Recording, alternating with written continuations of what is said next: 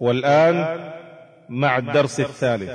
الحمد لله رب العالمين والصلاة والسلام على نبينا محمد وآله وصحبه أجمعين. أما بعد فهذا هو المجلس الثالث من مجالس شرح عمدة الفقه للإمام الموفق أبي محمد بن قدامة المقدسي رحمه الله ويشرح هذا المتن معالي الشيخ الدكتور يوسف بن محمد الغفيص عضو هيئة كبار العلماء سابقا وينعقد في الثاني من شهر شعبان عام 1432 للهجرة النبوية في جامع المهاجرين بمكة المكرمة. نعم تفضل يا شيخ. قال المؤلف رحمه الله ومن لزمته فطرة نفسه لزمته فطرة من تلزمه مؤنته ليلة العيد. إذا ملك ما يؤدي عنه فإن كانت مؤنته نعم الحمد لله رب العالمين وصلى الله وسلم على نبينا محمد وآله وأصحابه أجمعين. قال المصنف رحمه الله تعالى ومن لزمته فطرة نفسه لزمته فطرة من تلزمه مؤونته ليلة العيد إذا ملك ما يؤدي عنه. يعني أن صدقة الفطر من رمضان هذه الفريضة تجب على الإنسان وعلى يؤديها عن نفسه ويجب عليه أن يؤديها عمن تلزمه مؤونته. يجب أن يؤديها عن نفسه وعمن تلزمه مؤونته. إذا ملك ما يؤدي عنه ولهذا يبدأ بنفسه ثم بالأقرب فالأقرب ممن تلزمهم مؤونته. نعم. فإن كانت مؤنته تلزم جماعة كالعبد المشترك أو المعسر القريب لجماعة ففطرته عليهم على حسب مؤنته وإن كان بعضه حرا ففطرته عليه وعلى سيده ويستحب إخراج الفطرة نعم. يوما. قال وإن كان فإن كانت مؤونته تلزم جماعة كالعبد المشترك. إذا كان العبد مملوكا بين عدد. قال المصنف فإنها تكون بينهم وهذا مذهب الجمهور من العلماء. هذا مذهب الجمهور من العلماء هو مذهب الإمام مالك والشافعي وأحمد. وعند الحنفية أن العبد المشترك لا زكاة فطر عليه. قالوا لأنها لا تستقر على معين يملكه. والأظهر هو ما ذهب إليه الجمهور من الفقهاء. نعم. قال أو المعسر القريب لجماعة. ففطرته عليهم على حسب مؤونتهم. وإن كان بعضه حرا ففطرته عليه وعلى سيده. كذلكم القريب فهو بحسب الأقرب. مقصود هذه المسائل عند الفقهاء أن زكاة الفطر من رمضان هذه الصدقة الواجبة أو زكاة الفطر كما يسميها بعض الفقهاء. زكاة الفطر من رمضان تجب على المكلف فيؤديها عن نفسه ويؤديها عمن تلزمه مؤونته. فإن كانوا عددا أي من تلزمه مؤونتهم عدد فإنه بحسب الأقرب إلا إذا استطاع الجميع وجبت على كل من تلزمه مؤونتهم. نعم. وإن كان بعضه حرا ففطرته عليه وعلى سيده. وإن كان بعضه أي العبد إذا كان مبعضا بعضه حر وبعضه عبد. ففطرته عليه أي على العبد المبعض فيقوم ببعضها ويقوم سيده ببعضها فتكون مشتركة بينه وبين سيده. نعم. وهذا مذهب الإمام أحمد والشافعي. أما الحنفية فكما قالوا في المشترك في العبد المشترك يقولون لا فطرة عليه كذلك قالوا في المبعض لا فطرة عليه. نعم. ويستحب إخراج الفطرة يوم العيد قبل الصلاة. ويستحب إخراجها. وذلكم أن صدقة الفطر. لها وقتان وقت إجزاء ووقت فضيلة. وبعض الفقهاء يقول لها وقت إجزاء ووقت فضيلة ووقت وجوب. ويقصدون بوقت الوجوب متى تجب في الذمة. متى تجب في الذمة. وبوقت الإجزاء أي الوقت التي متى أخرجت فيه أجزأت. وبوقت الفضيلة الوقت الذي يستحب أن تخرج فيه. هنا بين المصنف أن الوقت المستحب أو الفاضل لإخراجها هو يوم العيد قبل الصلاة. فهذا هو أفضل ما يكون. أن تخرج هذا أفضل ما يكون من الأوقات. أن تخرج يوم العيد قبل الصلاة. يعني بعد بعد طلوع الفجر. فإذا طلع الفجر من يوم العاشر من يوم العيد عفوا من يوم العيد بعد رمضان فإذا طلع الفجر كان هذا الوقت بعد طلوع الفجر هو وقت الفضيلة. ومن أهل العلم من يقول إنه ما بعد صلاة الفجر إلى صلاة العيد. ما بعد صلاة الفجر إلى صلاة العيد. نعم. ولا يجوز تأخيرها عن يوم العيد. قال رحمه الله ولا يجوز تأخيرها عن يوم العيد. لا يجوز تأخيرها عن يوم العيد. وهذا الذي عليه جمهور العلماء وهو مذهب الأئمة الثلاثة. ومذهب مالك والشافعي وأحمد. أنه لا يجوز تأخيرها عن يوم العيد.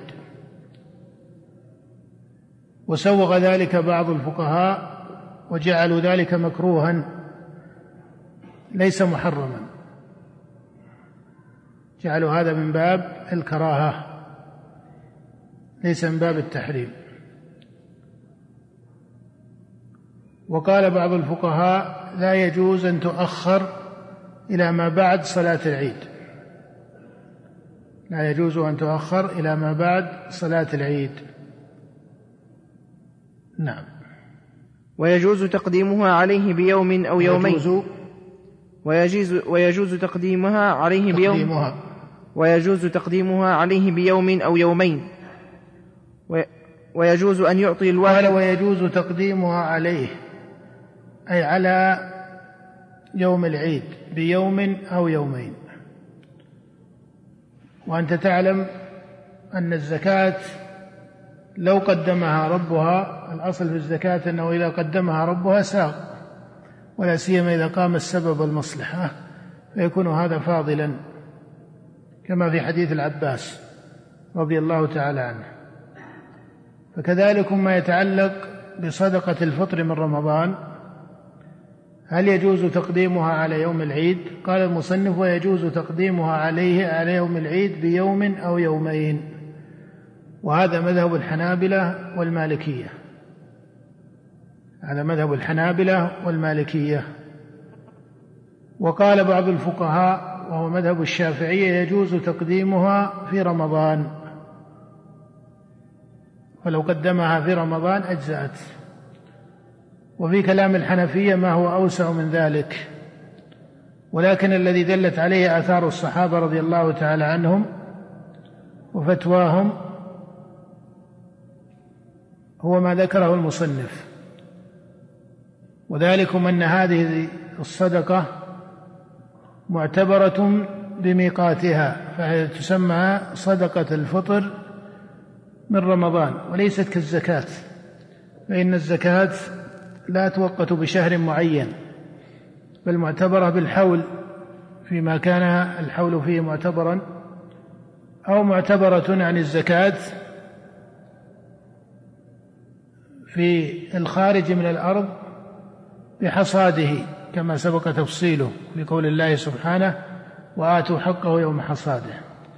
فالزكاة هنالك في زكاة الأثمان وعروض التجارة والخارج من الأرض. وما إلى ذلك هذه زكاتها معتبرة إما بالحول وإما بالميقات المذكور في قول الله تعالى وآتوا حقه يوم حصاده. فليس شهر معين ولا يوم معين مقصود فيها. وإن كان اعتاد كثير من الناس أن يؤدي زكاة الأثمان وربما زكاة عروض التجارة أن يؤديها في رمضان. فهذا إذا كان على سبيل التعجيل لما لم يتم فيه الحول فإن ذلك سائغ. أو إذا بنى حوله على رمضان وجعل ما لم يستغرقه الحول أو لم يستكمل الحول مقدما فهذا كذلك. أما صدقة الفطر من رمضان فإن الشارع وقتها بهذا الاعتبار باعتبار أنها صدقة الفطر من رمضان والمقصود أن فيها غنية للفقراء والمحتاجين في هذا اليوم من أيام المسلمين وهو يوم العيد أن يكون الطعام فائضا فيهم. أن يكون الطعام في يوم العيد يوم الفطر من رمضان فائضا في الناس. ولهذا جعل الشارع صاعا من الطعام. وسبق أنه على قول الجمهور وهو الراجح أنها لا تجزئ إلا من الطعام. وإن كان الطعام أيضا لا يقيد بل كل ما كان قوتا فإنه يجزئ. إنما المقصود أن قياس صدقة الفطر في تعجيلها على صدقة على الصدقة العامة الواجبة وهي الزكاة قياس مع الفارق. ولهذا الأظهر في هذه المسألة هو ما جاء في كلام الإمام أحمد ومالك أنها تقدم بيوم أو يومين على يوم العيد. أنه يجوز تقديمها بيوم أو يومين. نعم. ويجوز أن يعطي الواحد ما يلزم الجماعة. ويجوز أن يعطي الواحد أي يعطي المصدق. ويجوز أن يعطي الواحد ما يلزم الجماعة والجماعة ما يلزم الواحد. والجماعة ويجوز قال رحمه الله ويجوز أن يعطي أي المصدق الواحد ما يلزم الجماعة. يعني جماعة على كل واحد منهم صاع من الطعام فاجتمع عشرة. فهذه التي اجتمعت يجوز دفعها لواحد. هذا معنى قوله ويجوز أن يعطي الواحد أي الفقير الواحد ما يلزم الجماعة. والجماعة يعني ويجوز أن يعطي الجماعة ما يلزم الواحد. على العكس فيجوز أن يفرق الصاع بين جماعة من الفقراء هذا المقصود. يعني يجوز أن يعطى فقير واحد خمسة. ويجوز أن الصاع الواحد يفرق بين خمسة من الفقراء. هذا المقصود من الجملتين. وهذا الذي ذكره الإمام ابن قدامة رحمه الله هو مذهب الجمهور من العلماء وهو مذهب الحنفية والمالكية والحنابلة. أما الشافعية فلهم تفصيل ويجعلون صدقة الفطر أهلها هم أهل الزكاة. هم الأصناف الثمانية الذين ذكروا في الزكاة الواجبة. في قول الله تعالى إنما الصدقات للفقراء والمساكين إلى آخر الآية. نعم. باب إخراج الزكاة. لا يجوز تأخيرها عن قرب وجوبها إذا أمكن باب إخراج الزكاة. هذا ليس خاصا بصدقة الفطر أو زكاة الفطر. وإنما المقصود هنا حكم إخراج الزكاة وميقات ذلك. قال رحمه الله لا يجوز. نعم لا يجوز. لا يجوز تأخيرها عن قرب وجوبها إذا أمكن إخراجها. فإن فعل فتلف المال لم تسقط عنه لم تسقط قال عنه. لا يجوز تأخيرها عن وقت وجوبها إذا أمكن إخراجها. وعلى هذا جماهير العلماء. أن الزكاة متى ما وجبت ببلوغ الحول مثلا فإنه يجب إخراجها في أحد الأصناف الثمانية الذين ذكروا في الآية. وهذا الذي عليه جماهير العلماء هو مذهب الحنابلة كما ذكر المصنف وهو مذهب المالكية والشافعية وأحد القولين عند الحنفية. هذا مذهب جمهور العلماء. ومذهب مالك والشافعي وأحمد وأحد القولين عند الحنفية. والقول الثاني عند الحنفية وهو قول طائفة من الفقهاء أنه يجوز التراخي أنه يجوز التراخي في العام نفسه يعني ما لم يستوعب حولا آخر. فلو أخرها إلى أشهر ساغ هذا على أحد القولين عند الحنفية. ولكن الذي عليه جمهور العلماء وهو أحد قولي الحنفية أنه يجب أن تؤدى في وقتها. إلا أن اليسير من الوقت كالأيام اليسيرة هذه يعفى عنها.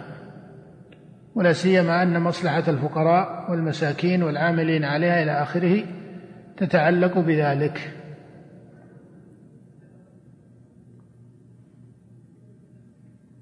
وأما إذا أتى الحول والفقير بين يديه وما إلى ذلك فلا يجوز له أن يؤخرها إلى ما بعد ذلك.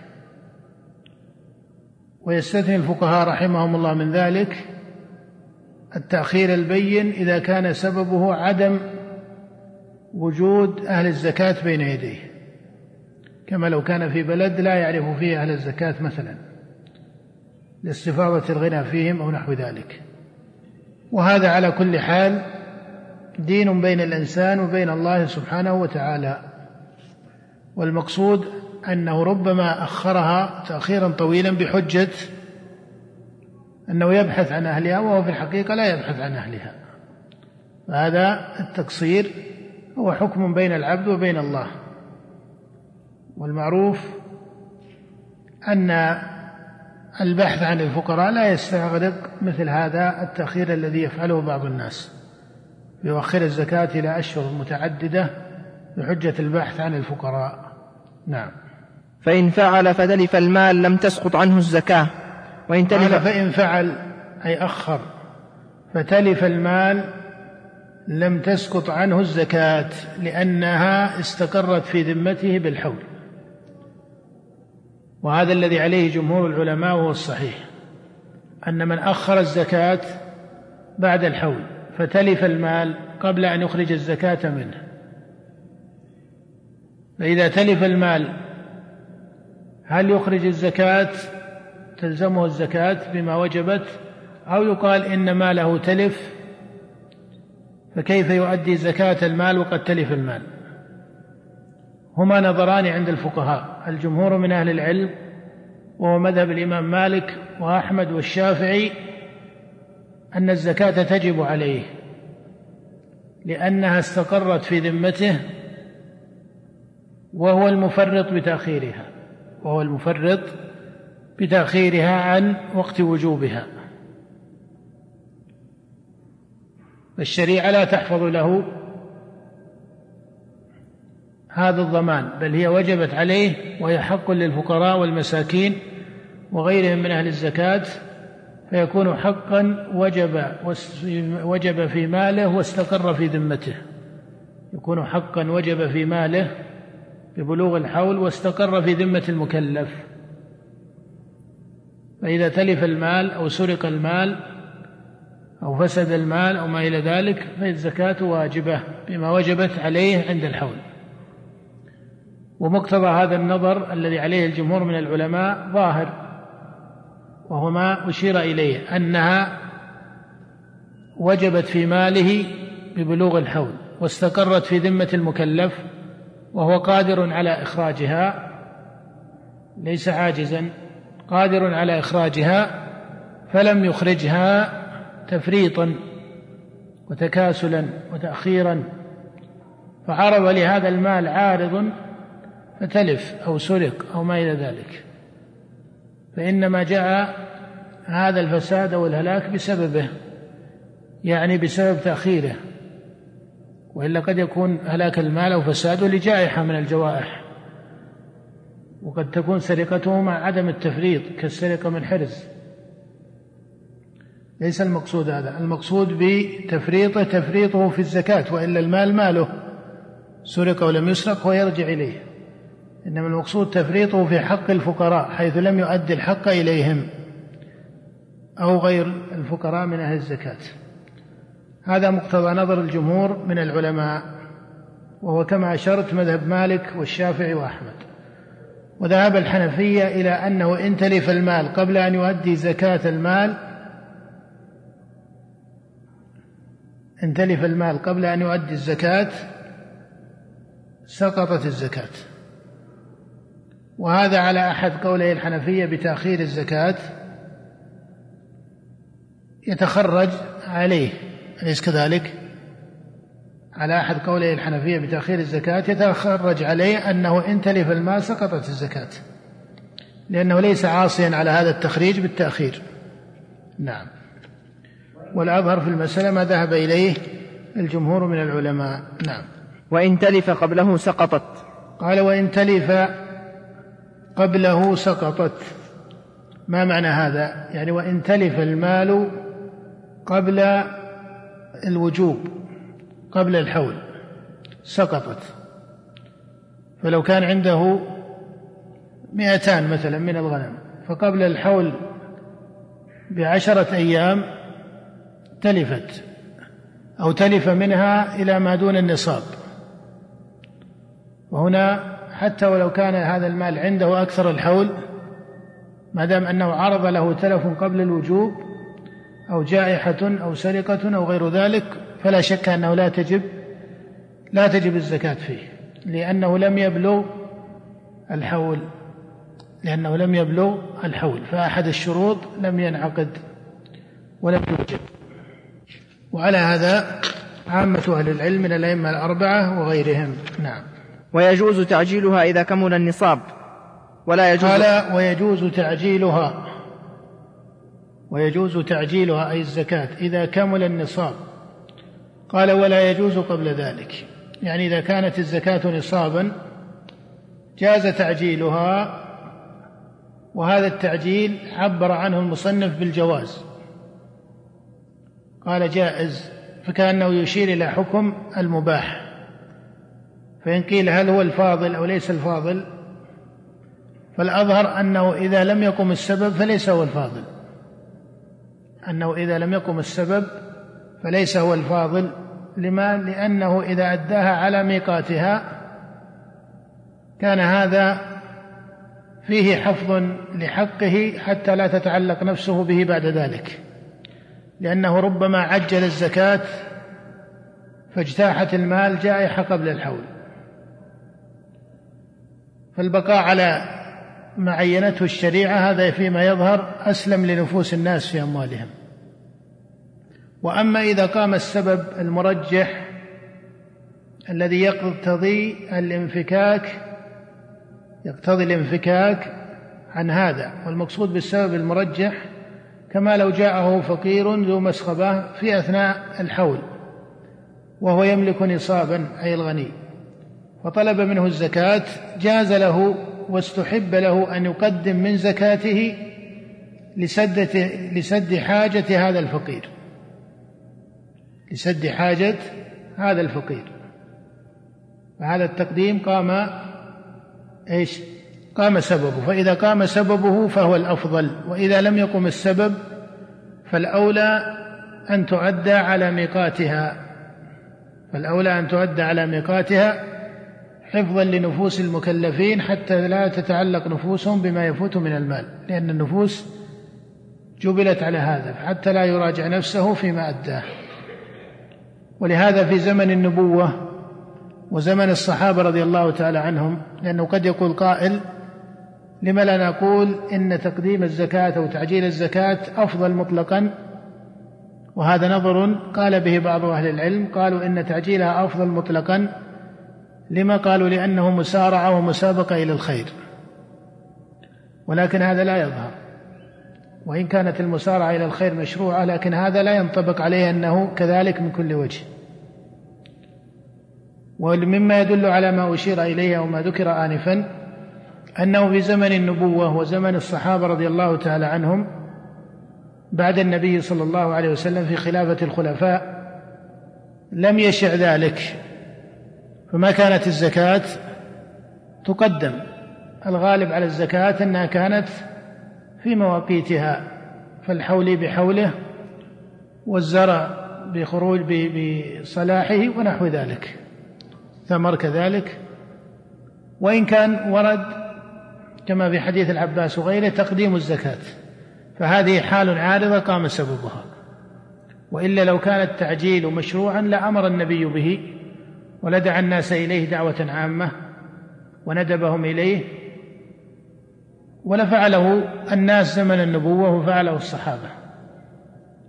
وهذا لم يقع كحال عامة إنما وقع في بعض الأعيان. فوقوعه ببعض الأعيان يدل على ما أشير إليه. نعم. فإن عجلها إلى غير مستحقها لم يجزئه. قال فإن عجلها إلى غير مستحقها لم يجزئه.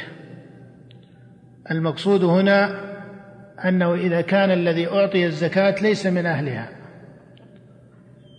فإن نعم. كيف؟ نعم. قال ويجوز تعجيلها إذا كمل النصاب. ولا يجوز قبل ذلك قبل أن يكمل النصاب. لأنه يؤدي ما لا يعلم. يؤدي ما لا يعلم. قال فإن عجلها إلى غير مستحقها لم تجزئ. إذا أعطى الغني غنيا مثله فإنها لا تجزئه نعم وإن صار عند الوجوب من أهلها وإن دفعها إلى نعم. مسلم إذا أعطى الغني غنيا مثله بعد تمام الحول فهذه بينة هذه مسألة بينة أنها لا تجزئ أليس كذلك؟ والصورة الثانية إذا أعطى الغني الذي عجل الزكاة غنيا مثله قبل تمام الحول. كان يكون هذا في الشهر الثامن من الحول فهو عند الإعطاء غني. ثم ما تم الحول إلا وهو إيش؟ المعطى فقير. كان يكون غنيا أصابت ماله جائحة فصار فقيرا فانقلب من حال الغنى إلى حال الفقر. هو لو بقي غنيا لا شك أنه بلا بلا خلاف أنها لا تجزئه. لو بقي غنيا بلا خلاف أنها لا تجزئه. لو أعطى الغني الغني مثله لا تجزئ سواء كان هذا على سبيل التعجيل أو على سبيل غيره. إنما الصورة التي هي محل خلاف بين العلماء إذا عجل الغني الزكاة فأعطى من هو غني ثم هذا الذي أعطي وهو غني ما تم الحول إلا وهو إيش؟ فقير من أهل الزكاة. فهو عند إعطائه كان غنيا ليس من أهلها وعند تمام الحول صار فقيرا من أهلها. هذه الصورة التي يشير إليها المصنف. وهنا جمهور العلماء على أنها لا تجزئ لأن الاعتبار به حال قبضه المال. لأن المال لما وقع بيده وقع المال بيد من هو من أهل الزكاة وليس من أهلها؟ لما وقع المال بيده ليس من أهل الزكاة فأعطى المال الزكوي أو أعطى الزكاة من ليس من أهلها. أعطى الزكاة من ليس من أهلها. وكان الواجب عليه في هذا المال الذي وجبت فيه الزكاة أو المال الزكوي أن يجب أن تؤدى زكاته إلى من كان من أهلها وهم من سماهم الله في القرآن. هذا الذي عليه جمهور العلماء وهو مذهب أبي حنيفة والشافعي وأحمد. نعم. وإن دفعها إلى مستحقها فمات أو استغنى أو ارتد أجزأت عنه. قال وإن تلف المال وإن دفعها إلى مستحقها أي إلى من كان من أهلها فمات أو استغنى أو ارتد أجزأت. هذه صورة على خلاف الصورة التي سبقت. على خلاف الصورة التي سبقت. يعني دفعها إلى مستحقها. فقبل تمام الحول مات هذا فصار ماله لوارثه. أليس كذلك؟ مات هذا الرجل الذي أعطي لفقره فصار ماله لوارثه. مع أن الحول تم أو لم يتم؟ لا ما تم الحول. عجل الغني الزكاة فأعطى رجلا فقيرا. فهذا الفقير قبل تمام الحول حول الزكاة يعني قبل تمام الحول في المال الزكوي الذي بيد الغني. الغني عجل الزكاة إلى شهر ثمانية مثلا من الحول. فهذا الذي أعطي كان فقيرا. الصورة الأولى كان غنيا ثم افتقر. الصورة هنا لا كان فقيرا. كان فقيرا. ثم بعد شهر من قبضه للزكاة مثلا توفي فصار المال إلى من؟ إلى الورثة. أو ارتد عن الإسلام. وتعرف أن من ليس مسلما ليس من أهل الزكاة. وإن كان من أهل الصدقة العامة. يعني يجوز أن يعطى من أعمال البر العامة والأصل تقديم المسلمين عليهم. لكن كما قال النبي صلى الله عليه وسلم في كل كبد رطبة أجر. فالمقصود أن هذا الذي مات أو ارتد أو استغنى كان في الشهر الثامن من حول الزكاة فقيرا ثم قبل تمام الحول صار غنيا. فهل تجزئ أو لا تجزئ؟ طرد المسألة السابقة القول بالإجزاء أليس كذلك؟ لأن في المسألة السابقة اعتبرنا الأمر به حين قبض المال فهو حين قبض الزكاة كان من أهل وجوبها ومن مستحقيها. يعني ممن تجب لهم الزكاة.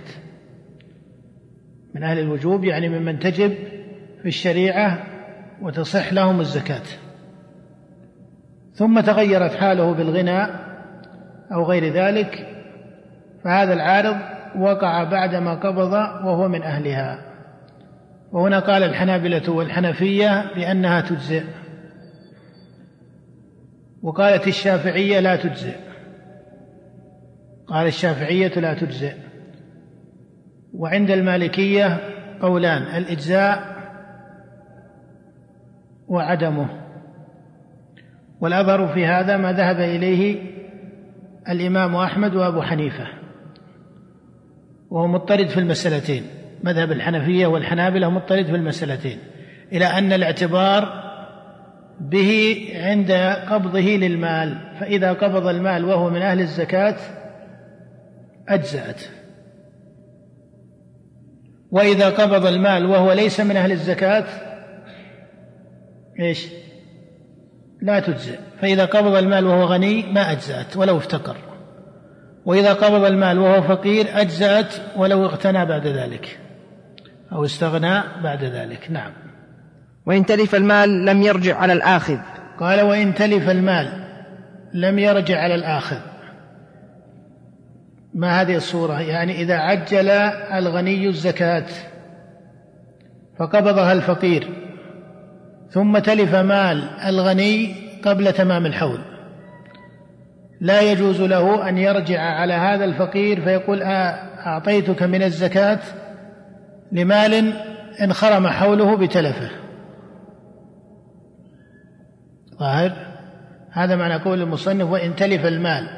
أي وإن تلف المال الذي عجل زكاته فأعطاها لفقير مثلا من أهل الزكاة لم يرجع على هذا الآخذ الفقير. هذا معنى قوله لم يرجع على الآخذ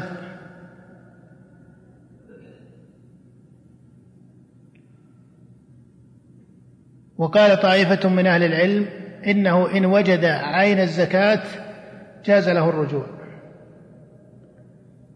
إن وجد عين الزكاة جاز له الرجوع كما لو أعطاه شيئا من الغنم مثلا في زكاة بهيمة الأنعام أو شيء من الإبل موسومة معروفة فتلف المال قبل الحول.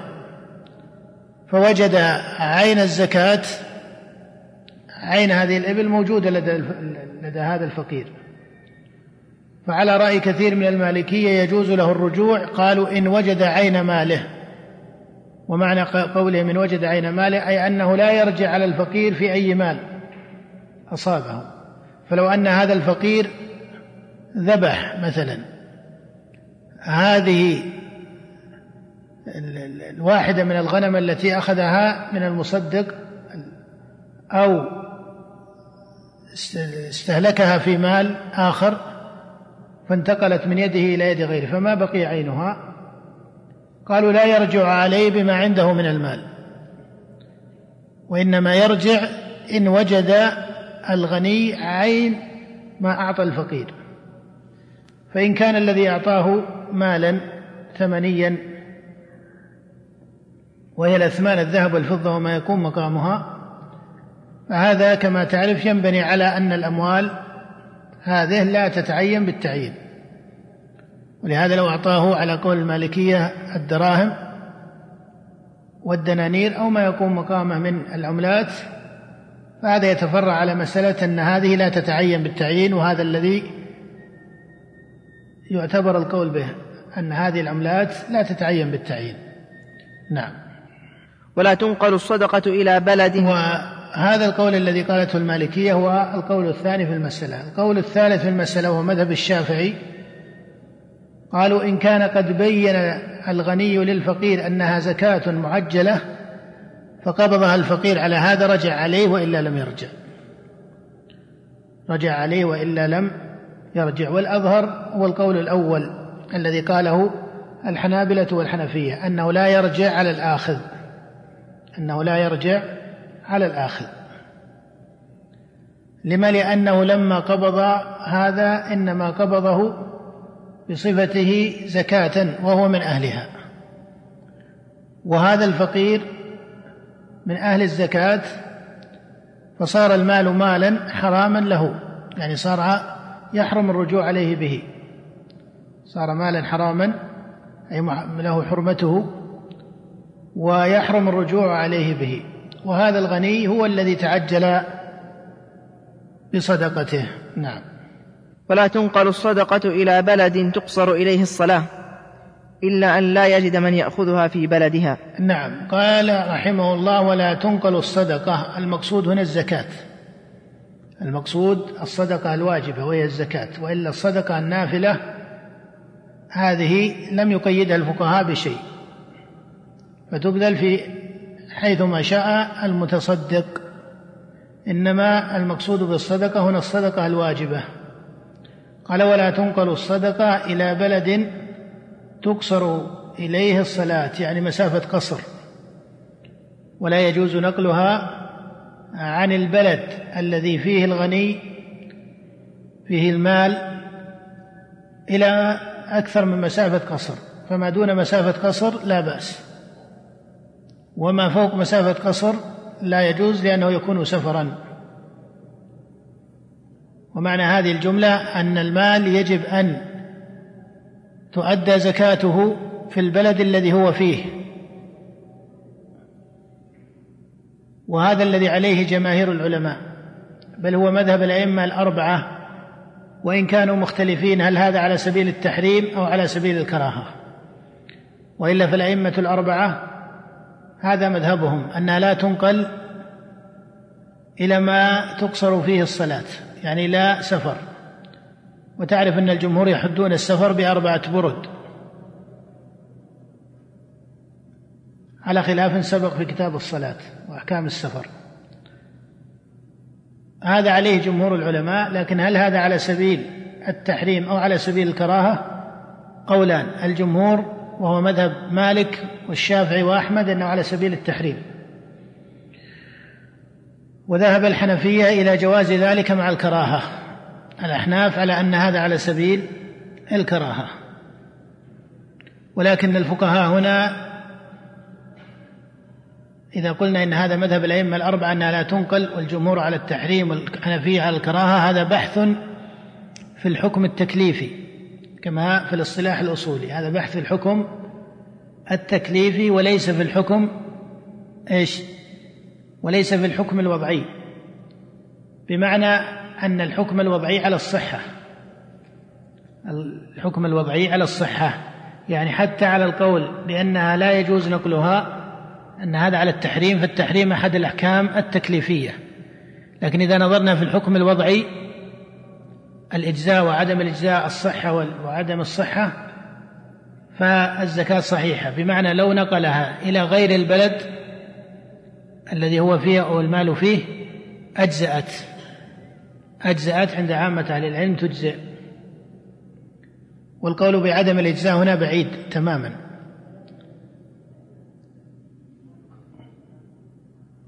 لكن الحكم التكليفي متجه. الحكم التكليفي متجه وهو النهي عن نقلها عن البلد الذي فيه المزكي والمال. وهذا أخذ عند الفقهاء من جملة من الأدلة ومن النظر إلى مقصود الشارع في الزكاة فإن هذا موافق لمقصود الشارع. ولهذا هذا القول موافق لمقاصد الشريعة من حيث شرعية الزكاة.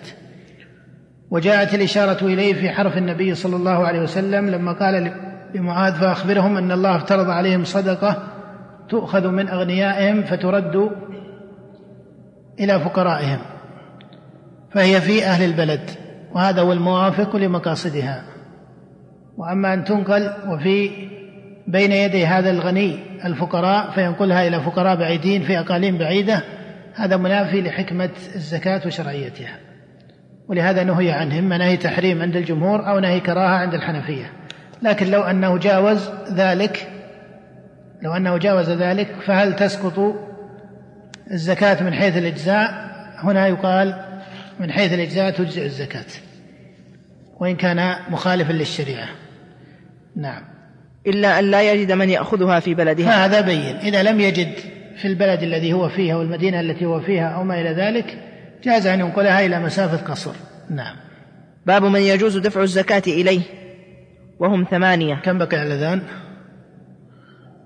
ساعة؟ طيب.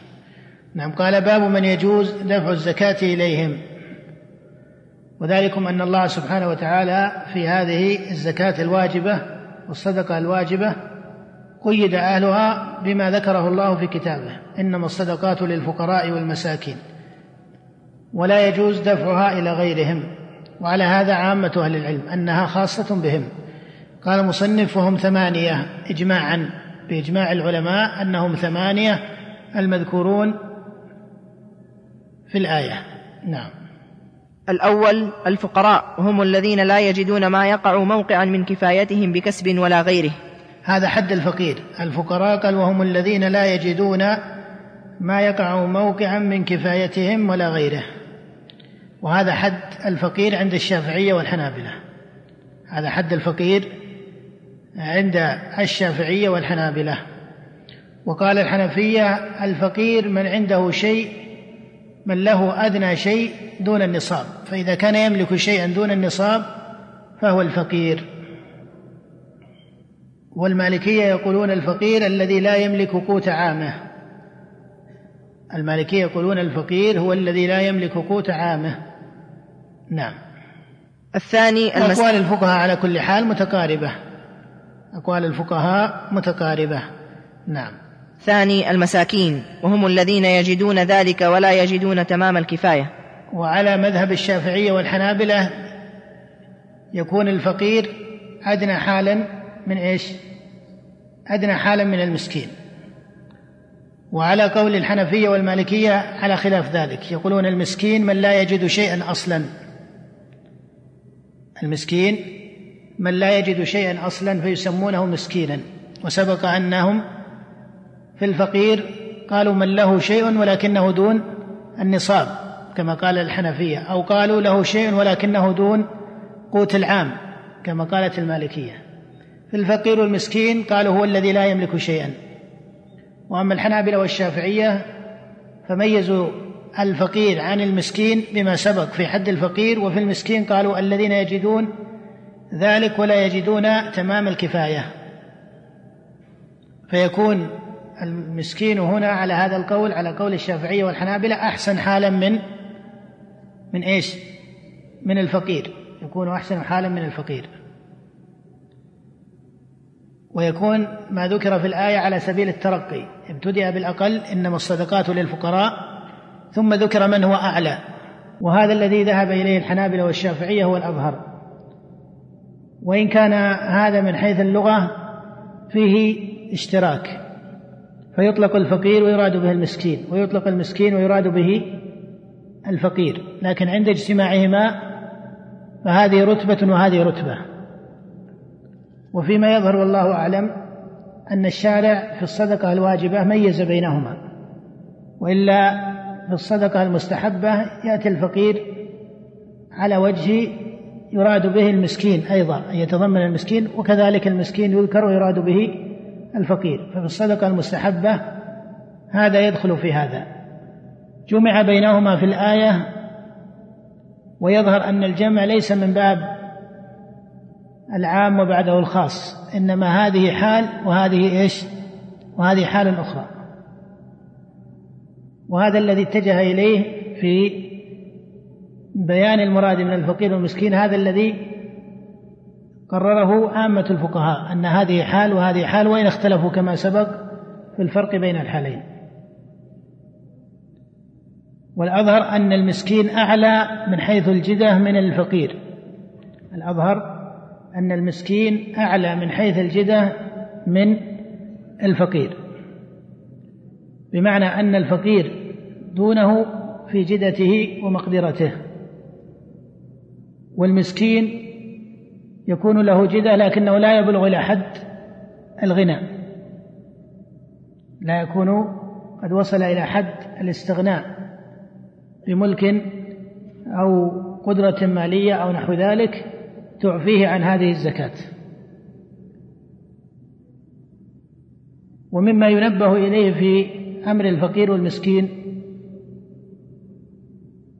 إلى أن هذا وهذا جميعهم من أهل الزكاة سواء قدمنا الفقير على المسكين في الحد والتعريف أو المسكين على الفقير. فبإجماع العلماء أن الفقير من أهل الزكاة وأن المسكين من أهل الزكاة ولهذا ربما يكون الخلاف في الجانب النظري لأنه ليس من شرط المزكي أن يبدأ بالفقير ثم المسكين. وفيما يتعلق بالفقراء والمساكين الناس في دفعهم للزكاة يقع من بعضهم. نقول من بعضهم وليس من جميعهم بالطبع لأن التعميم لا يصح. لكن يقع من البعض إفراط أو تفريط في مسألة الفقير والمسكين. فبعضهم ربما, ربما جاءه من هو من الفقراء أو من هو من المساكين. فأعطاه عطاء مبالغا فيه. وفي الغالب أن هذا إذا وقع يكون فيه نوع مصلحة للمزكي إما لجاه أو لسمعته أو لكونهم قرابة له فيريد أن يكون له صيت في قرابته فربما أعطاهم إلى قدر من التبذير بحجة إيش؟ أنهم أنهم فقراء. أو ربما توسعوا في المال إلى حد الترف به أو إلى حد الإنفاق في كماليات لا أساس لها وليست هي من أحوال الفقراء والمساكين. فهذا يعرض من بعض الأغنياء وفي الغالب أن له سبب قد لا يعلنه لكنه سبب في نفسه. والزكاة حرمتها ليست على هذه الدرجة أنها يصار بها أن فلانا أغنى فلانا أو أفقره. هذا يعرض أحيانا من بعض الناس. وبالمقابل فإن بعض أهل الذين تجب الزكاة عليهم بعض الأغنياء يبالغ ويذل الفقير ويذل المسكين إذا أراد أن يدفع إليه إيش؟ الزكاة. أو يعلم أنه فقير أو مسكين ويحتاج إلى مثلا عشرة آلاف هو طبعا ليس ملزما أن يدفع كل زكاته إليه لكن القصد أنه يرى أنه لا يمكن أن يدفع إليه إلا مثلا مئة ريال أو خمسمائة ريال. إن كان له مقصود شرعي مناسب كان يقول إنه يريد أن يوزع زكاة في جملة من الفقراء هذا لا بأس. لكن إذا كان الذي حرك نفسه إلى أنه ما يعطي إلا المئة ريال أو الخمسمائة ريال أنه لا لا يزيد. لا تصل حاله إلى خمسة آلاف وعشرة آلاف. هذا خطأ. وبالمقابل البعض من الأغنياء لكونه عاميا يفهم بمجرد أنه هذا الفقير أو هذا المسكين يعمل أو له مرتب حكومي أو في عمل خاص بمجرد أن يعرف أنه يعمل يقطع عنه الزكاة وهذا خطأ. العام الماضي كان يعطيه ثم بلغوا هذه السنة أن فلانا هذا الذي هو فقير ومسكين جاءته وظيفة لكنها وظيفة لا تكفيه ومن معه من أسرته وأهل بيته. فيقول ما دام توظف خلاص ما عاد نعطيك من الزكاة. وهذا ربما يجرئ البعض على أنه إيش؟ يباعد عن العمل ويتكل على هذه الزكوات وهذه الصدقات. وهذا خطأ أيضا. لأن المسكين ليس من شرطه ولا من صفته في القرآن والشريعة أنه يعمل ولا ما يعمل. ولا أحد من العلماء قالوا الفقير والمسكين هو الذي يعمل أو عنده وظيفة ولا عنده عمل أو ما عنده عمل. هم يتكلمون على من يجد ومن إيش؟ ومن لا يجد. من يجد كفايته؟ من يجد قوت عامه؟ من يجد هكذا يقول الفقهاء. ما في فقيه من صدر الإسلام إلى اليوم يربط الأمور بمسألة العمل وعدم العمل؟ لأنه قد يعمل براتب 500 ريال. كما هو الحال في كثير من العاملين والعمال. تجد أن راتبهم ال 500 ريال أو ال 700 ريال أو ال 1000 ريال وعنده أسرة. هذا ما تكفيه. هذا فقير. فالعبرة ليست بالعمل. والشريعة تسمي المسكين مسكينا ولو كان إيش؟ ولو كان يعمل. الشريعة تسمي المسكين مسكينا ولو كان يعمل ولو كان له وجه يكتسب به. وانظر إلى قول الله سبحانه وتعالى في قصة الخضر قال أما السفينة فكانت لمساكين يعملون في البحر وهم يملكون هذه السفينة وفي سالف الأزمان وإلى اليوم يعتبر الكسب في البحر من من المكاسب القوية المتحركة لأنه كسب يومي ومن مصدر مباح يعني ليس عليه في, يعني ولا يشتري من البحر إنما يأخذ بالمجان من البحر أليس كذلك؟ هو كسب في الغالب أن عوائده جيدة وخاصة فيما سلف من الزمان وهم يملكون هذه السفينة ويعملون فمع كونهم يملكون هذه السفينة ويعملون سماهم القرآن إيش؟ مساكين قال الله تعالى أما السفينة فكانت لمساكين يعملون في البحر ليس معنى هذا أنه لا يلتفت إلى ما عنده من الراتب أو الوظيفة لا إذا كانت وظيفته أو راتبه أو دخله من عمله المهني أو أيا كان إذا كان دخله يرفع كونه فقير بمعنى يوفر له ما يكفيه ويكفي أسرته خرج عن كونه فقيرا أو مسكينا. إنما الذي نريده هنا أن ما يفعله بعض العوام لا فلان موظف وش موظف؟ عنده ألف ريال ولا ألف وخمسمائة ريال ولا كذا ولا أشياء يسيرة هذا لا شك أنه يقاس بأحوال الناس. أيضا أحيانا شخص عنده ألف ريال بالشهر ولا يكون فقيرا ولا مسكينا. لماذا؟ لأنه مسؤول عن نفسه فقط. ولأنه مثلا ساكن مع غيره لا يدفع. والبعض يكون عنده ألفين ريال ومسؤول عن عدد من الذرية والأبناء الصغار والكبار. وعليه فالعبرة ليست بكم الراتب. هذا مقياس في الغالب عامي ليس ليس له أصل فقهي.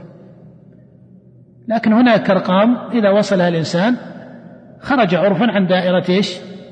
الفقراء. إذا وصل مرتبه إلى كذا مهما كانت حاله في الغالب يخرج عن حالة الفقر إلا في في في أسباب خاصة ونادرة فالمقصود أنه ينبغي على الأغنياء بل يجب عليهم أن يتقوا الله في هذا الحق الذي هو أوجبه أوجبه الله عليهم فلا يذل الفقراء بما يعطونهم فإنما يعطونهم ما أوجب الله عليهم وهو الذي رزقهم هذا المال. وبالمقابل لا يتزينون بالزكاة إن التزين حتى بالصدقة المشروعة لا يجوز. حتى الصدقة المشروعة يجب أن تكون خالصة لا يتزين بها ويجامل بها بل تكون على سبيل كونها خالصة لله. لكن في الصدقة المشروعة التي ليست هي الفريضة الواجبة قد تقع حال هي ليست من التزين بل من الأحوال المحمودة. كأن يشتري أو يشيع الناس أن أن يشتري لهم بيتا ويظهرهم إلى آخره فهذا يتوسع فيه حتى ولو كان هذا البيت الذي اشترى لبعض قرابته بيت فارغ أو بيت كبير أكثر من كونهم بحاجة إليه. هذا إذا كان من باب الصدقة فهذا جزاه الله خير العامة. لكن إذا كان من باب الزكاة فهي ليست على هذه الرتبة بل مقدرة وإن كان الأقربون وإن كان الأقربون أولى بها. الأقربون أولى بالمعروف لكن ليس في الأدلة ما يدل على تخصيصها بهم. لكنهم أولى بمعنى أنه لا يجعلها في غيرهم وهم محتاجون إليها. بل إن كانت زكاته يسيرة جعلها فيهم وإن جعلها في غيرهم فلا بأس. وإن كان من أهل الزكاة يعني من أهل المال المستفيض فينبغي ألا يقطع قرابته وأيضا لا يخصها بقرابته على كل حال. لأن المبالغة في التخصيص بالأسرة هذا خطأ. البعض يجعل مثلا في شركته أو مؤسسته صندوقا يقول هذا صندوق الزكاة أو كذا فإذا جاء شخص قالوا له أنت من الأسرة الفلانية ولا ما نعطيك؟ هذا خاص بالأسرة هذا ما يجوز. وإن كان أراد أن يضع الزكاة في أقاربه لكونها زكاة يسيرة يضعها في أقاربه دون هذا هذا الترتيب. أما كونه يشر هذا بين يدي الناس وأنه لا يعطي زكاة إلا من هو من الأسرة هذا لا يجوز إشهاره. هذا لا يجوز إشهاره. نعم. الثالث العاملون عليها. وهم السعاة عليها ومن يحتاج إليه فيها. العاملون وهم السعاة الذين يبعثهم السلطان. السعاة الذين يبعثهم السلطان. وليس من العاملين عليها من يقوم بجمع الزكاة من الناس بنفسه ثم يريد أن يوزعها على الفقراء. فيقول أنا من العاملين عليها. هذا ليس من العاملين عليها. ولا يجوز له أن يأخذ شيئا من ذلك البتة. بل هذا العمل لا أصل له. بل هذا العمل لا أصل له. لأن الغني يجب أن يعطي هو بنفسه أهل الزكاة. وإنما صار العاملون عليها فيما كان في الأموال الظاهرة التي يجبيها السلطان فيجبي الصدقات ببعث العمال. ولهذا السلطان إنما يجبي زكاة الأموال الظاهرة كبهيمة الأنعام والخارج من الأرض دون الأموال الباطنة فهذه يباشر الغني أو رب المال يباشر البحث عن الفقراء والمساكين. نعم. الرابع المؤلفة قلوبهم وهم السادة الرابع المؤلفة قلوبهم وهم وهم السادة المطاعون في عشائرهم الذين يرجى بعطيتهم دفع شرهم أو قوة إيمانهم أو دفعهم عن المسلمين أو إعانتهم على أخذ الزكاة ممن يمتنع من دفعها. نعم هذا المصرف من مصارف الزكاة وهم المؤلفة قلوبهم فيهم خلاف بعد إجماع العلماء عليهم إلا أنهم مختلفون في المقصود بهم. فهل المؤلفة قلوبهم من حيث الإسلام والكفر هل يدخل فيها من ليس مسلما؟ فيعطى الكافر طمعا في إسلامه تأليفا لقلبه أن يدخل الإسلام أو هي في حديث العهد في الإسلام. ليطمئن قلبه. وهل هي لتأليف قلبه على الإسلام أو لتأليف قلبه في الكف أيضا؟ عن الشر. فهذه أوجه متنوعة. وقد حقق الإمام ابن قدامة في كتابه المغني في شرح مختصر أبي القاسم الخرقي فصلا بين فيه أقسام المؤلفة قلوبهم في هذا الباب. بين فيه أقسام المؤلفة قلوبهم في هذا الباب وهو تقسيم جامع متين. بين فيه الإمام أبو محمد مؤلف هذه الرسالة وإن كان اختصره فيما أشار إليه لما قال هم السادة.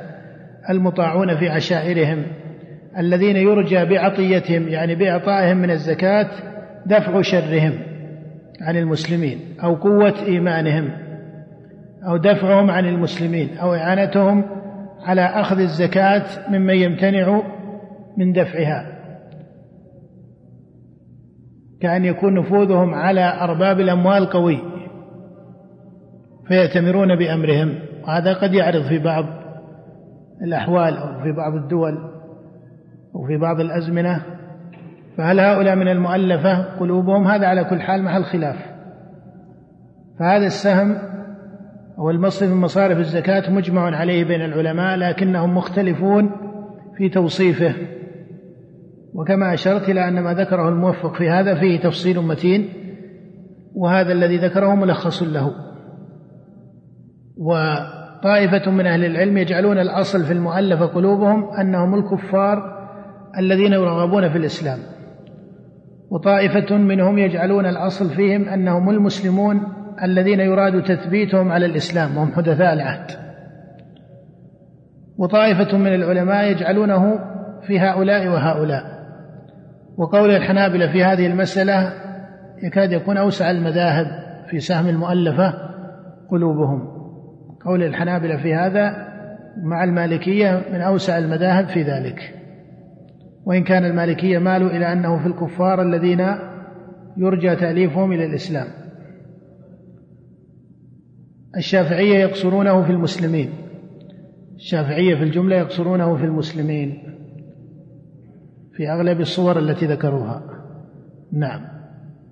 الخامس الرقاب. وهم المكاتبون ويعتاق الخامس الرقاب. قال رحمه الله وهم المكاتبون العبد المكاتب الذي كاتب أهله أو كاتب سيده على عتقه فيعطى هذا المكاتب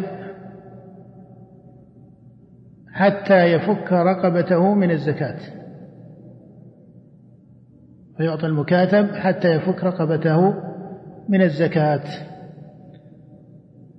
والجمهور من العلماء على أن المكاتب يعطى من الزكاة. وهذا مذهب الحنفية والشافعية والحنابلة لأنه داخل في عموم قوله وفي الرقاب أي في إعتاق الرقاب. قوله وفي الرقاب أي في إعتاق الرقاب. نعم. الغارمون وهم المدينون لإصلاح نفوسهم في مباح أو لإصلاح بين طائفتين وإعتاق لا قال وإعتاق. وإعتاق الرقيق. قال وإعتاق الرقيق. يعني إما أن يكون يعني أن قوله وفي الرقاب على حالين إما المكاتب وإما الرقيق الذي لم يكاتب. فيفك تفك رقبته يأتي الغني فيدفع الزكاة لربه فإيش؟ فيعطيه قيمته من الزكاة ويفك رقبته من الزكاة. هذه صورة أو الصورة الثانية أنه كاتب هذا العبد كاتب فأصبح عليه ما كاتب سيده عليه من المال فيدفع له هذا المال حتى تنتهي مكاتبته مع سيده فيكون حرا. هل الآية في قوله وفي الرقاب في الصورة الأولى أو في الصورة الثانية؟ الحنابلة يقولون هي في الصورتين في المكاتب وفي الرقيق يعتق. وفي الرقيق يعتق. الحنفية والشافعية صيروها إلى المعنى الأول وهو المكاتب. والمالكية صيروها إلى المعنى الثاني وهو الرقيق يعتق. والأظهر ما ذهب إليه الحنابلة وهو قول طائفة من فقهاء المذاهب الأخرى إلى أنها في المكاتب وفي الرقيق يعتق. نعم. الغارمون وهم المدينون لإصلاح نفوسهم. لأن الآية جعلتها في عتق الرقبة ولم تذكر صفة الاعتاق هل هو على سبيل المكاتبة أو, غير ذلك؟ نعم. الغارمون وهم المدينون لإصلاح نفوسهم في مباح أو لإصلاح بين طائفتين من المسلمين. قال وهم قال السادس الغارمون وهم المدينون يعني من عليه دين لإصلاح نفوسهم في مباح يعني في دين مباح. أو لإصلاح بين طائفتين من المسلمين. أو لإصلاح بين طائفتين من المسلمين. أما الصورة الأولى التي ذكرها المصنف وهي قوله وهم المدينون لإصلاح نفوسهم في مباح. فبين رحمه الله أنه لا بد أن يكون دينه مباحا. فخرج الدين إيش؟ المحرم.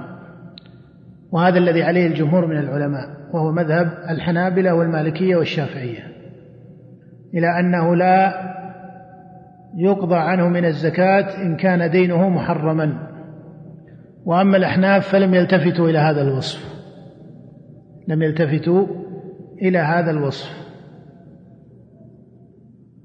وفي الغالب أن الديون هي مباحة.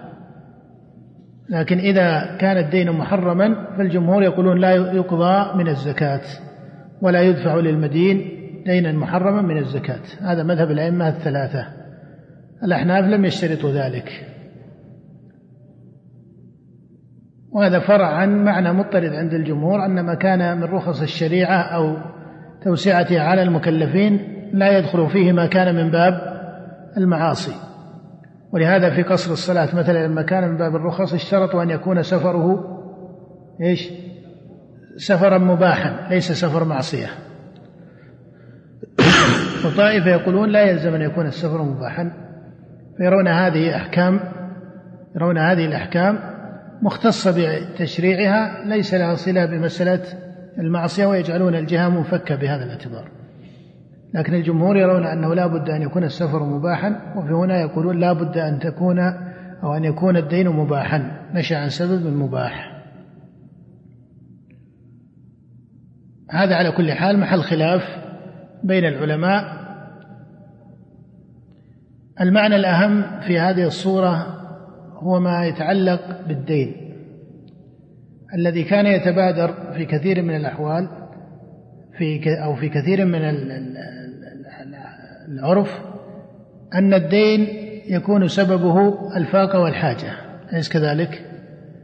وقد كان يوجد في سالف الزمان بعض الأحوال التي فيها الدين يكون دينا ورب أو المدين يكون غنيا في حالته ولكنه مدين من وجه وغني من وجه اليوم في العصر الجديد هذا أصبح ما يتعلق بالديون أصبح في كثير من الأحوال خاصة الديون المنظمة عن طريق المؤسسات المالية عن طريق البنوك والشركات إلى آخره. ما أصبح الدين يعكس كون المدين مليئا أو أو فقيرا.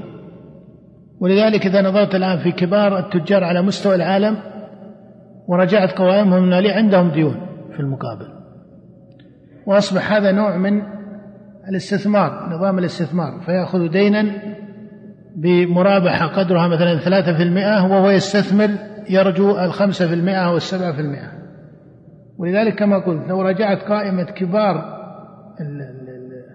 أصحاب الأموال على مستوى العالم عندهم ديون. هذا أصبح شأن ليس غريبا وأصبح صنعة أكثر مما أنه دين يحتاج لحاجة أو ليكمل به بيتا أو يشتري به سيارة أو يحمل به أمرا ضروريا في حياته لا أصبح قدر من الاستثمار.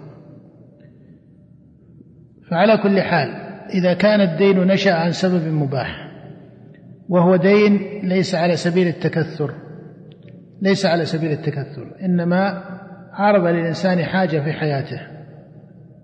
فأخذ دينا مباحا ثم عجز عن سداده فهذا لا شك أنه يقضى دينه من الزكاة. وهذا داخل دخولا صريحا في قول الله تعالى والغارمين. وأما هذه الديون التي يملك أربابها من الأموال الأخرى ما يقضون بها هذا الدين وغيره فهذه لا شك أنهم لا يدخلون في الآية ولا يدخلهم في الآية من عنده علم أو فقه. إذا كان عنده مثلا أراضي عنده دين مليون ريال لكن عنده أراضي مثلا بخمسة ملايين. حتى لو قال باعت من باعت كما يعلل البعض ما لقينا أحد يشتري ما لقينا مدري كل هذا ما يفيد. هذا ما يجوز أن يعطى يسدد هذا المليون ريال من الزكاة أبدا. لأن هذا غني هذا يجب عليه أن يدفع زكاة لهذه العروض التي بين يديه. وهو وهي عروض التجارة. الحالة الثالثة وإلا لاصبح الآن كبار كبار التجار العالميين هم الذين يعطون من الزكاة. عليهم ديون. الحالة الثالثة هذه الأولى والثانية أحوال مبينه الحالة الثالثة من أخذ الدين من المؤسسات المالية مثلا على سبيل المتاجرة والتوسع في التجارة. واتخذ لذلك أحيانا اسبابا وربما حيلا لتكثير مديونياته وأن يأتي بأكثر من شخص ويضع بأسماء أشخاص أو بأسماء شركات اعتبارية فيؤسس أكثر من شركة ذات مسؤولية محدودة ويحيل عليها مديونيات إلى آخره. فيجمع الديون ليستكثر من التجارة. ثم لا يستطيع. فهذا في حقيقته ليس الأول أليس كذلك؟ ليس هذا الذي أخذ دينا من شخص أو حتى من مؤسسة مالية وهو دين ثم عجز أخذ دينا وعجز عن سداده أخذ دينا ليتزوج به زواجا معتدلا وما إلى ذلك ليشتري به حاجة له من حوائج الحياة اللازمة له من قوت ونحوه فهذا من أهل الزكاة إذا عجز. وبالمقابل الثاني واضح أمره إنما الثالث الذي يأخذ دينا إما أنه يبالغ في الاستثمار أو يأخذ دينا يترفه به. يأخذ دينا يترفه به. كأن يأخذ دين لزواج وهذا الزواج يجعله مكلفا لزواج ابنته مثلا فيضعها في قاعة من كبار القاعات ويستأجر لها كذا وكذا ويسرف ثم يعود إلى بعض أقاربه الذين بينه وبينهم مد ويقول أنا علي خمسمائة ألف ريال. اقضوا عني من الزكاة. وأحيانا يكون بين بعض الأقارب شيء من التكافل على هذه المسألة لأنه هذا القريب يعرف أنه سيدفع الزكاة. فهذا الذي يتلاعب بالديون ويؤسس على نفسه ديونا ومخطئ في تأسيسها لا تقضى عنه من الزكاة بهذه البساطة. لا بد أن يبين له أن هذا ليس هو الغارم الذي ذكر في الآية. ويجب عليه أن يكف عن هذه الديون من حيث الأصل. وأما ما وقع فيه من قبل فهذا يعالج بحسبه وينظر فيه نظر خاص. وكذلكم الذي يخاطر بالأموال هذه مسألة تحتاج إلى قدر من التأمل. لا نقول إنه لا يجوز أن يقضى دينه من الزكاة ولكن تحتاج إلى شيء من التحرير وشيء من الترتيب. ولا سيما إذا كان فيها قدر من المواطأة. إذا كان في إنما نقول فيها شيء من التحرير. آه، لا تستطيع أن تقول لا يقضى دينه من الزكاة مطلقا لأن الزكاة يراد بها إبراء ذمته ويراد بها حفظ حق الآخر وهو الدائن أليس كذلك؟ يراد بها أيضا حفظ حق الدائن فالدائن له حق على أخيه المسلم. فهي حفظ إبراء لذمة هذا وحفظ لحق ذاك.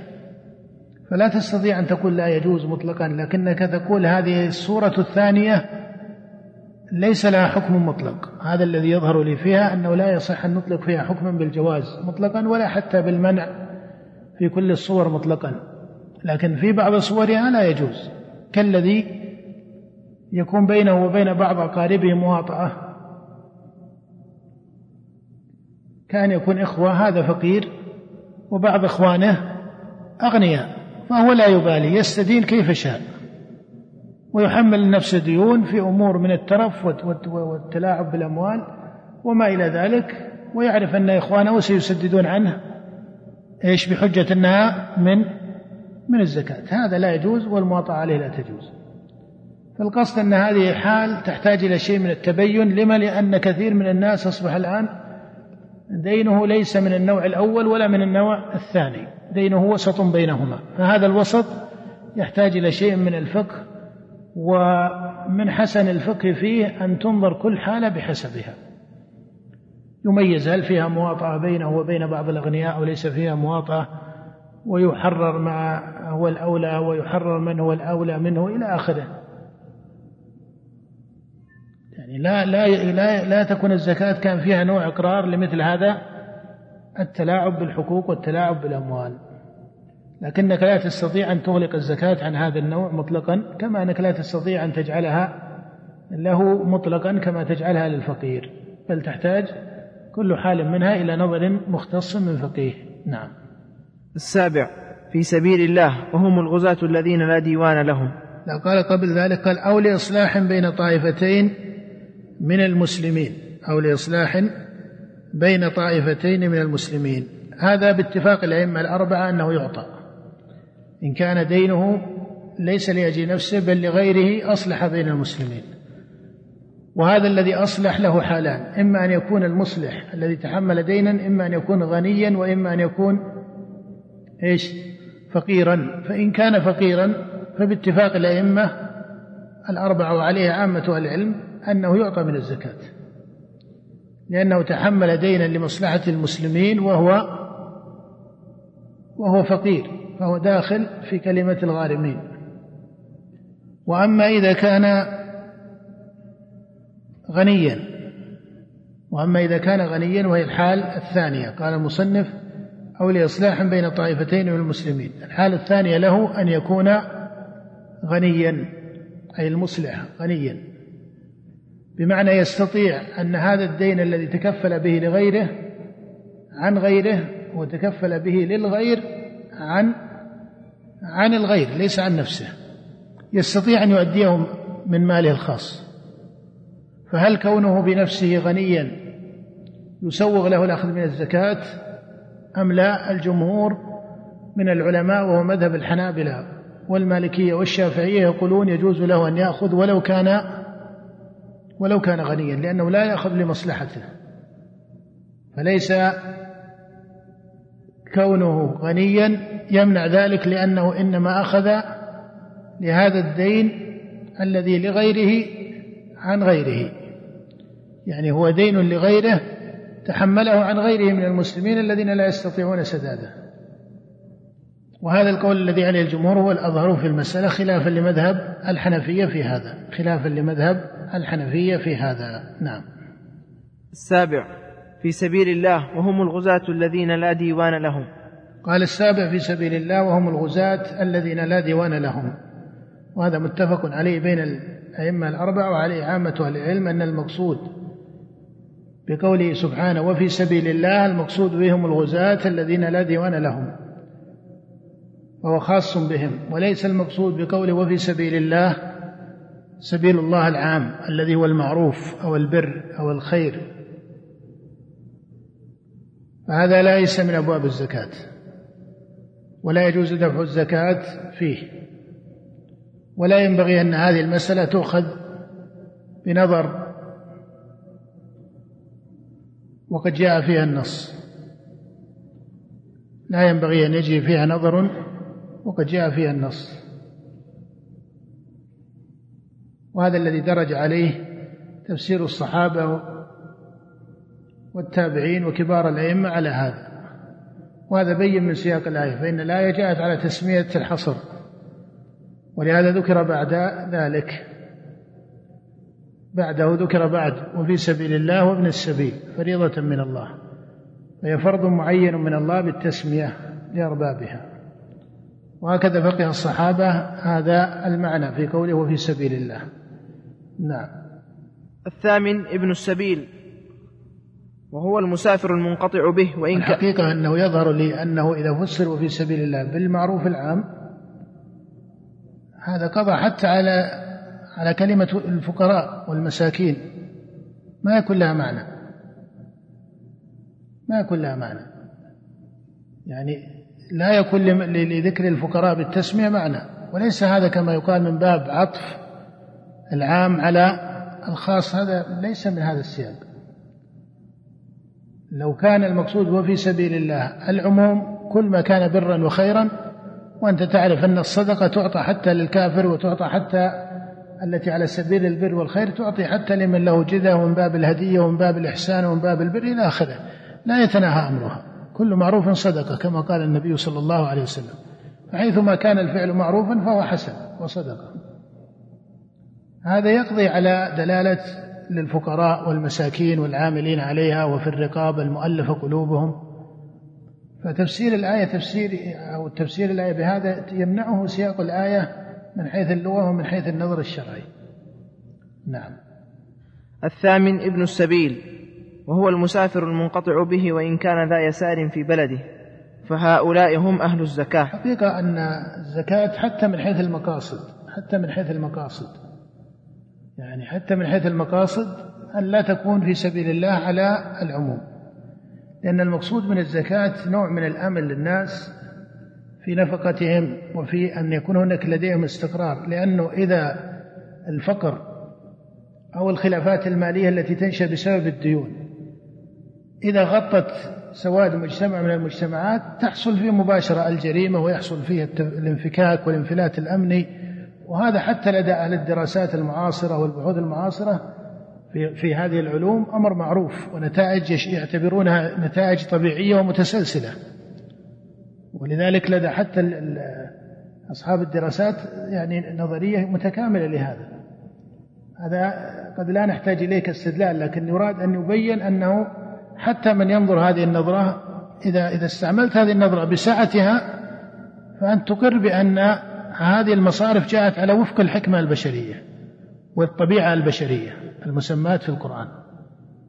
لأن ما يأخذه الفقير ليأكل به ويلبس به أولى من أن يكون في مصلحة تسمى مصلحة إيش؟ أو معروف يسمى معروفا عاما. قد يقول قائل العلاج وما إذا قلنا كما يعطى الفقير ليأكل ويعطى الفقير ليشرب ويلبس يعطى الفقير ليتعلم إن كان لا يستطيع أن يتعلم كما في بعض البلاد التي مثلا لابد من رسوم للمدرسة. هذا يعطى ابنه ما يدفع هذه الرسوم لأن تعلمه مما ينفعه في دينه ودنياه. وكذلك هم يعطى الفقير ليعالج في فقره. هذا كله ما في إشكال. لكن أن تكون في مرافق عامة وفي مصالح عامة وتعطل أن الفقير يأكل منها ويشرب منها بما وصفته الآية هذا بعيد عن سياق الآية وعن دلالة اللغة. ثم إن الناس قد يتحركون بها تحرك آخر. فإذا قيل في سبيل الله أيضا الناس كثير منهم فيهم عامية شوي أو أغلب الناس عوام. فقد ينظر إلى معنى في الشريعة ويغفل معاني أخرى في الشريعة. فإذا جاء جاء إلى رب المال قالوا في سبيل الله عام قال خلاص أنا زكاتي في المساجد. يبني بها إيش؟ يبني بها مساجد يقول ليش أعطيها فلان وفلان؟ أنا أبني بها مساجد. فينفتح هذا الفهم على الناس الزكاة تغطي أساس ليست تغطي فضلا. الزكاة قصد منها أنها تحفظ المجتمع وأمن المجتمع المالي وتغلق أبواب الجريمة لأن هذا الفقر وهذا الشقاق المالي في الديون هو من أكثر الأسباب لوجود التفكك في المجتمعات ووجود الجريمة في المجتمعات. وتخلف المجتمعات فهي إذا لولا أن الوقت يضيق علينا نحب أن نكمل الكتاب. إذا نظرنا إلى هذه المصارف التي سماها الشارع ولا شك أنها على وفق الحكمة ولا أحد من الفقهاء ينازع في ذلك لكن بعضهم يعني ينازع في كلمة وفي سبيل الله هل هي عامة وخاصة. لكن هذا التفسير الذي هو على وفق سياق الآية هو حتى من حيث النظر موافق للمقاصد وموافق للفطرة والاعتدال البشري لأنه يحقق أمن. ما زاد على ذلك لا شك أنه خير وهذا باب الصدقة. ما زاد على ذلك فهو خير وهذا باب الصدقة. نعم. الثامن. فإن قيل فأمور الدين مثلا فإن قيل فأمور الدين قيل هو الفقير يعطى منها. ولو أن جماعة من الفقراء أعطوا من الزكاة وهم في قرية يحتاجون مسجدا. فقالوا هذه الزكاة التي بأيدينا نبني إيش؟ نبني منها مسجدا ساغ أو لم يسغ ساغ ليس بساغ؟ سائغ يعني ليس في هذا تعطيل لمسألة المعاني الدينية أو الحقوق الدينية العامة. قالوا هذه الزكاة التي بأيدينا نأتي بهذا الذي يعلم أبناءنا ونعطيه مثلا منها. هذا هذا يعني في الأسس يعني أنت إذا ملكتها الفقير أنت إذا ملكتها الفقير الفقير يتصرف بها على ما اقتضت الشريعة أن يتصرف. لا يجعلها في اللهو واللعب. لا يجوز للفقير أن يقبض الزكاة بل يجعلها فيما هو من لازم حياته في أكله في شربه في علاجه آه، ونحو ذلك. في حفظ دينه كما أشرنا في التعليم مثلا إن كانت المدرسة لا تقبل إلا لكن ما يترك المدارس كما مثلا عندنا في المملكة بحمد الله يترك مدارس حكومية ويذهب إلى مدارس لأسباب شكلية أو نحوها ويأخذ من الزكاة يعطي هذه المدارس. هذا ما يسوء ولا يجوز. لكن لو كان في بلد ما في تعليم إلا برسوم فهل يجلس هذا الفقير يعطل أولاده عن الدراسة وعن التعليم بحجة أنه لا يملك؟ لا إذا أخذ من الزكاة. لكن أيضا لا بد أن يملك الفقير. ولهذا الفقهاء من فقههم قالوا يعطى الحطاب ما يشتري به آلة حطبه. ويعطى المزارع ما يشتري به آلة زرعه وآلة حرثه لكن لا تتدخل أنت وتوجد يعني كما أحيانا في بعض ما يقال جمعيات هي التي تؤسس الأموال الزكوية للناس. هذا ليس موافق. هذا يضيع هذا وإن نجح يعني نجاح نسبي. البعض يتكلم عن نجاح وينجح ترى نجاح نسبي.